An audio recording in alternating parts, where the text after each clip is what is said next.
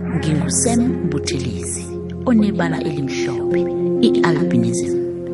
Ukubelethwa nebala elimhlophe kusitshijilo kukodwa. Kunabacabanga ukuthi nawunjalo awunalo ilungelo lokuthathwa njengomuntu namka ukuthandwa njengomuntu. Kunabanemicabango emimbi nekungasilo iqiniso ngabantu abane-albinism.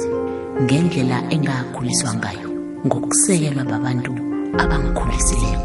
abangikhulisileko nabangizombelezileko kwangiqinisa kwangakha. Ngikho namhlanje anginandaba nomuntu olitshaba elingakhathaliko nakakhulumako akhuluma amaganyana angasimnandi ngobujamo bami. Abalaleli umphakathi nesitshaba bayabazi ubujamo babantu abanebala elimhlophe abaphila ngaphasi kwabo.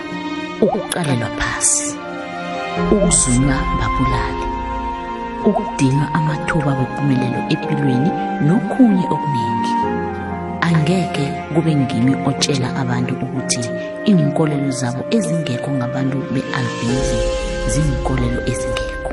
Kusemntwini ukuzifundisa ubuntu ngokwazi bonyana wonke umuntu udalwe ngehloso kazimu begodu umfanekiso wakhe uzimu wangidala ngalindlela wakhetha mina ngokwazi ukuthi ngizokhona ukucalana nabo bonke ubujamo njengomntwanakhe.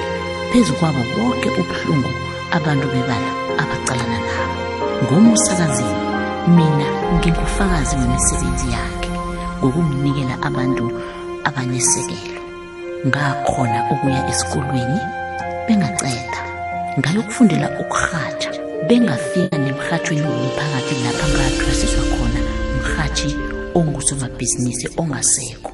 Ubaba umiki malatsi umoyakhe awulale uphumule. Njenganje ngisebenza emrhatshweni omkhulu wezekolo i-radio pulpit lapho ngathoma khona ngimrhatshi namhlanje si ngimthengisi wemkhangiso uzimu amuhle wangibusisa ngokungipha umngame omuhle engimthandako.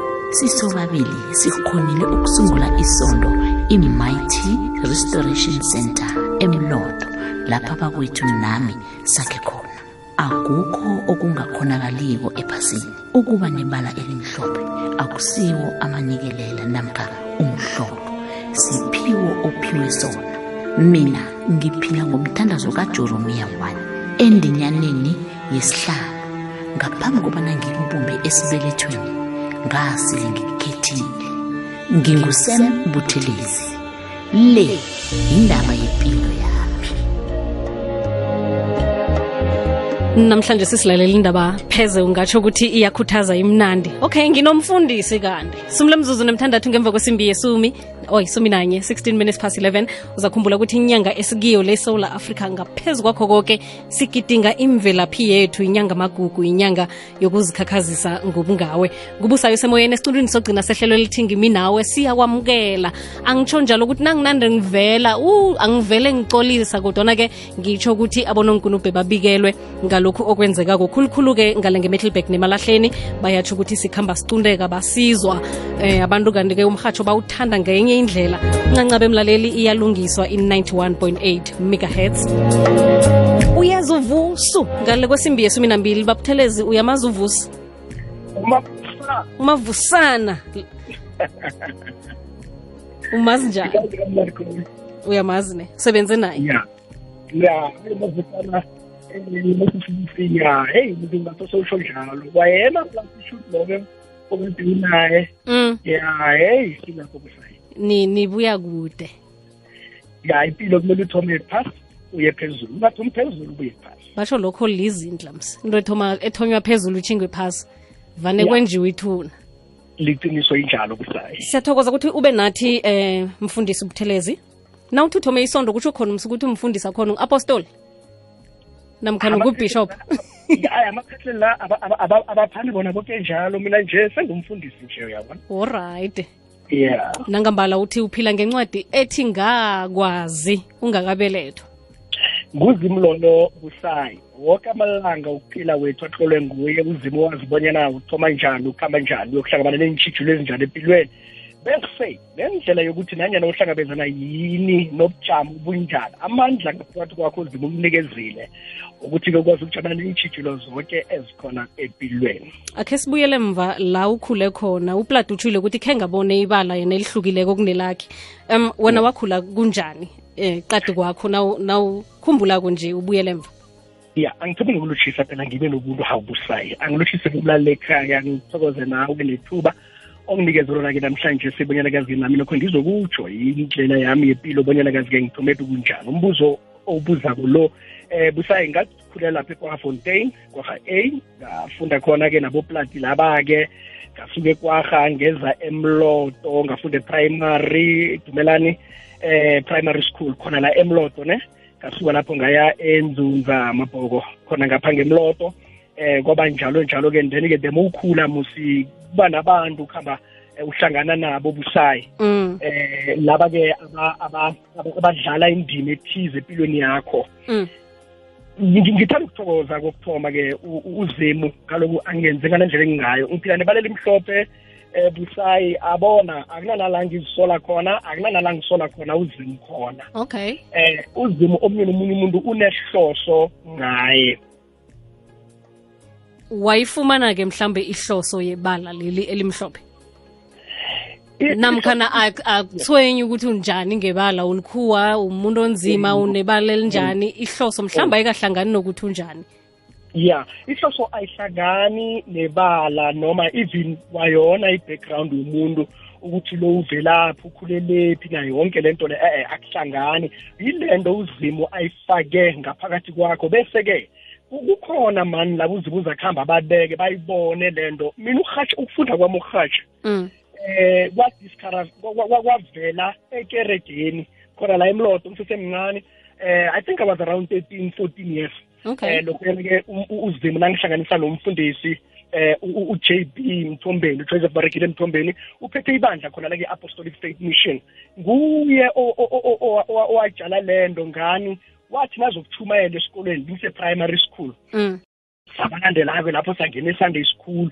Kanti yena the more abona ukuthi noma lo muntu kunentonyana ethize la Nga- ngathoma uku-emcina njalo esondweni ngimncane ne? Mm. and eh, nendaba yokurhatsha ngicabanga wena esondweni usemi nangobatsho usemi kharhatsha usemi uyarhatsha kanti nendlela yabo bayifona bayivuselela. Eh.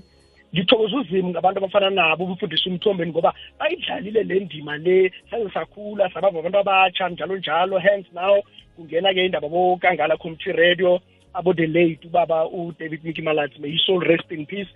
Nakhona uthi umuntu nafikako lapho it was 2004 i remember. Mina ngiye ngomuntu ikokwezile kade siyilala musiqala seyiradio ndebele ne? Iye.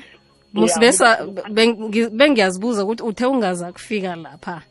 Ya akuthwenyi ragela phambili. Fika emkhathweni womphakathi iganga community radio that was 2004 nesifika lapho sahlangana nabangani bethu abo- abo- abo- abonokuthula mthonyaba nabanye abanye bakhona lapho kuwe gadesi eh mina ngiye ngengqondo yokuthi ngifuna ngene nje bangitraine.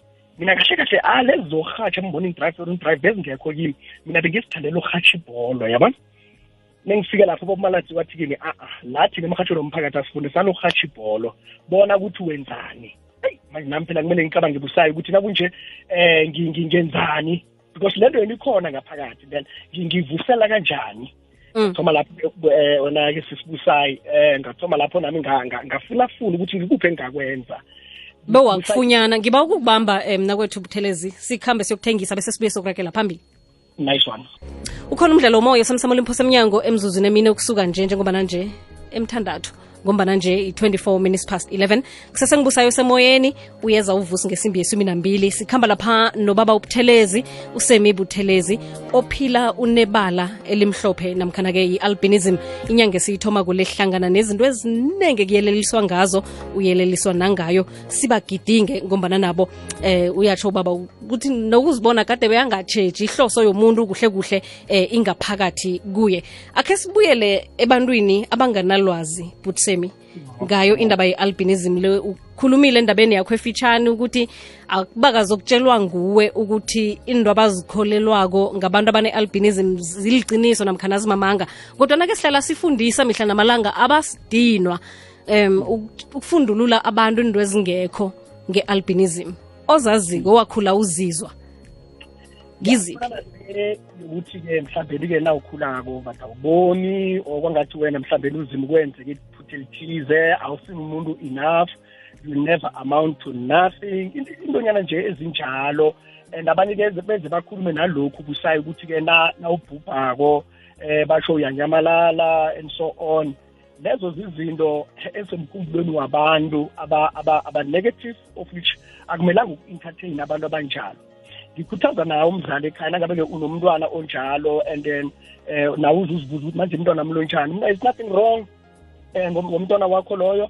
Msapote umkholele le nto afuna ukuba ngiyo msapote because nathi there are people who play the vital role uh, to be where we are today. And nomana kukhona istigma somuntu cala musibusayo i-opinion ngawe it's not a final because akusulo muntu abantu abathi nguye ngulo muntu uzima athi wena unguye. So abantu bazohlala bakhuluma abantu bazokhuluma lokho bakukhulumako nayo yonke lento le kodwa kona into okumele uyazi empilweni yakho ne-countako yile nto ngaphakathi kwakho. Bekufuthi ungaphili nawo ngokuzisola ungafuni ukuthi abantu bahlala bakulilela. Nowubona wena ufuna abantu bafile sorry for wena. A-a chidisa lokho na ungakwenza kwenzeke as you are.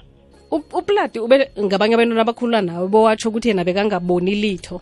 Kunabantwana kade bakhuluma mhlambe izinto zikuhlabako nezikuzwisa ubuhlungu? Ya bona bakhona of course even namanje khona omunye not even kwabantwana baphela even abantu abadala. Eh umuzi umuntu akho ajaja akhulume lokho akukhulumako le mhlawumbe ukuthi hayi wena you are this na yonke lento le. Busayi kumele-ke uzazi ukuthi akusiwonke umuntu okumele umvumele akhulume phezu kwempilo yakho. Okay. I-opinion omunye umuntu ngempilo yakho doesn't count at all. Mm. so abantu bangakhuluma bakhulumako nenkololo zabo kukubo lokho. Mina i cannot blame god and i cannot even blame myself. In fact the inner peace begins uma mina ngithoma ukuzamukela. Sizamukele uthande impilo kulungeke konke busayo yini le eyaletha ilwazi elingekho namkhana ukubizwa ngamamitsi inkolelo lezi ezingekho yile nto abantu-ke ngoba abantu bafuna impumelelo ngendlela ongasingiyo. Mm. Eh, Angitsho abantu nabadeyisa umuntu ublessed. Even emasondweni akumele khe siwukhalima umkhwalo emumbi ukuthi abantu umuntu ublessed ngekolo ethize and so on ya highly favored. Abantu bagcina benza into nokulunga because they want to maintain that life enjalo nonganayo bacheji nayo yonke le nto le. Umuntu ngoba they want to get rich these schemes ezikhona. Therefore ukuthi ungabulala umuntu so ungazoba sona yonke le nto le zizinto ezingekho zisebenzele ngamandla. Uyezwakala mfundisi. Akhange kho uzithole ke mhlambe wena na ekukhule napha kho ugijinyiswa ungazi ukuthi ugijinyiswe lani. Mhlambe uzimo waba mhle ngaleyo ndlela ukuthi khange kube nezehlakalo ezinjalo. Tell you now honestly speaking. Mina ngulo ngalo msebenzi esiwenzako ngikhambise ula-afrika yonke even abroad ne-afrika. Mm. ngakhe experience esasho uyabona ukuthi nje babantu abana- abanganalwazi bengcondo ezifishane laba abakhona ukwenza lokho. I mean eh, kuningi umuntu angakutsho eh, mara leyo kugijinyiswa nayo yonke le nto le. Hayi angifuni ukukhuluma um sesibusayo. Ngisengakayiboni mina. Bona abanye of course bakhona into kodwana mina a ngisengakubonanga okunjalo okay. Bese lo unikele nombelethi othole umntwana one-albinism. Ngiba ukubuza ke lakho ihlangothi utshile ukuthi uthethe mhlawumbe uzima wanibusisa ngabentwana babanjani bona? Ufundeni ukuthi nangabe unebala abantu abakho kungenzeka ba- bafane nawe kungenzeka bangafani nawe? Mm. Yes eh mina nginabantwana babili eh boy and girl bafana nonina bathanda khulu. Eh lokho kimi ngiyathokoza uzimo because yinto ezenze ezenza nguzimo and so engakutsho ukuthi ke it's possible akutsho ukuthi ngoba mhlawumbe wena unebala therefore nabantu bakho kumele babe nebala ona yonke le nto le a kulaba ababili bagadesi ngingazi mhlawumbe nangabe khona abasenza kwena uyabafuna? Ngisayi- niyaya esitolo ngifuna ukwazi noma mfundisi ukuthi niyaya esitolo namkhana njani na sanibeka nemthandazweni angitsho bona eh, busayi mina impilo le ngifundise ekutheni um akusukuthi umntwana kumele kube wakho wengazi kwaphela. Ya nabanye times goes unga-adopta nabukhona la salumbile siyakhulisa impilo eragela phambili. Mm, mm. okay amezwa kho ogcina tshinga kumlaleli. Ngengikhathi ezibudisi mfundisi kho ukhuthaza abantu imoya iphasi i-covid Yeah. nasi ifike yenza imraro lapha empilweni zabantu. Engakutsho ukuthi njengoba-ke sibhekene nenkinga esibhekene nale covid-19 ngalo-ke esewula afrika nokubulawa kwabantu nabantu besifazane bayahlukunyezwa zobe kulilanga naboma bayabethwa nayo yonke le nto le even nabantu abaphila ngebala. Yazini akusiyinkinga yakho ukuthi omunye umuntu yena ukubona njani? Wena thokozela lokhu-ke uzimo akwenzela khona. Imisebenzi iyalahleka busayicobelanga kodwa-ke nanyana kunjalo ngithi mina try uh, by all means zama ukuba positive. Stay away from negative people abantu abakunethela izindaba abantu abazokuhlukumeza njalo njalo njalo. Especially umuntu oyingozi busayo yilo zokulethela indaba athi bathe bathi khambela kude abantu abanjalo beungaba-entertaina nesikhathi saba rakela phambili abantu abathanda impilo nawubathanda abangiboni nokuthi bayakuthanda kunomuntu ongasakuhlalela ukutshela indaba ezikulimazako. Na ungitshela ukuthi umani utheni ngami ebuhlungu uyangithanda mara na ungizwisa ubuhlungu njalo?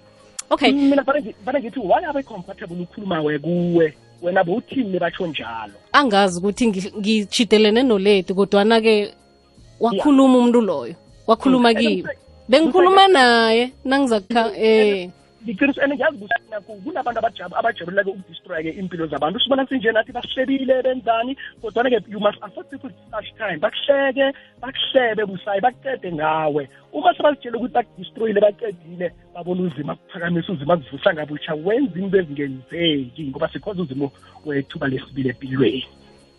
Mina busayi ngifuna nabazali abangenabo abantwana abanebala bafundise abantwana babo. Ngabantu abanebala basesebancane ngoba into isuka lapha ebuntwaneni uthola umntwana ehlukunyezwa kwaseyikolweni lapha emazingeni aphansi. So mina ngiyafuna nje ukuthi nabazali abangenabo abantwana abanebala mabafundise abantwana babo ngabantwana abanebala. Bakhule bazi bazi ama-facts ngabantu abanebala. Ngiyabonga uvuyo ejohannesburg. Sithokoza umbono wakho muhle eh, mamvuyo abantwana bethu bafundiswa ngithi ukuthi nawubona umuntu onje akutsho ukuthi lokhu usuyamfundisa usekhaya. Um sithokozile mfundisi ubuthelezi amezwi wakho wokugcina sesiwatholile. Ngingazi ukuthi ufuna ukufakela okuthize kuma akushuleko uma sithokoza khulu ngombana-ke into indaba le ithoma bantu ithoma ngikhaya sikhulisenaneni sithandaneni siba bantu sithandeni nepilo. Kuzwakele. Aha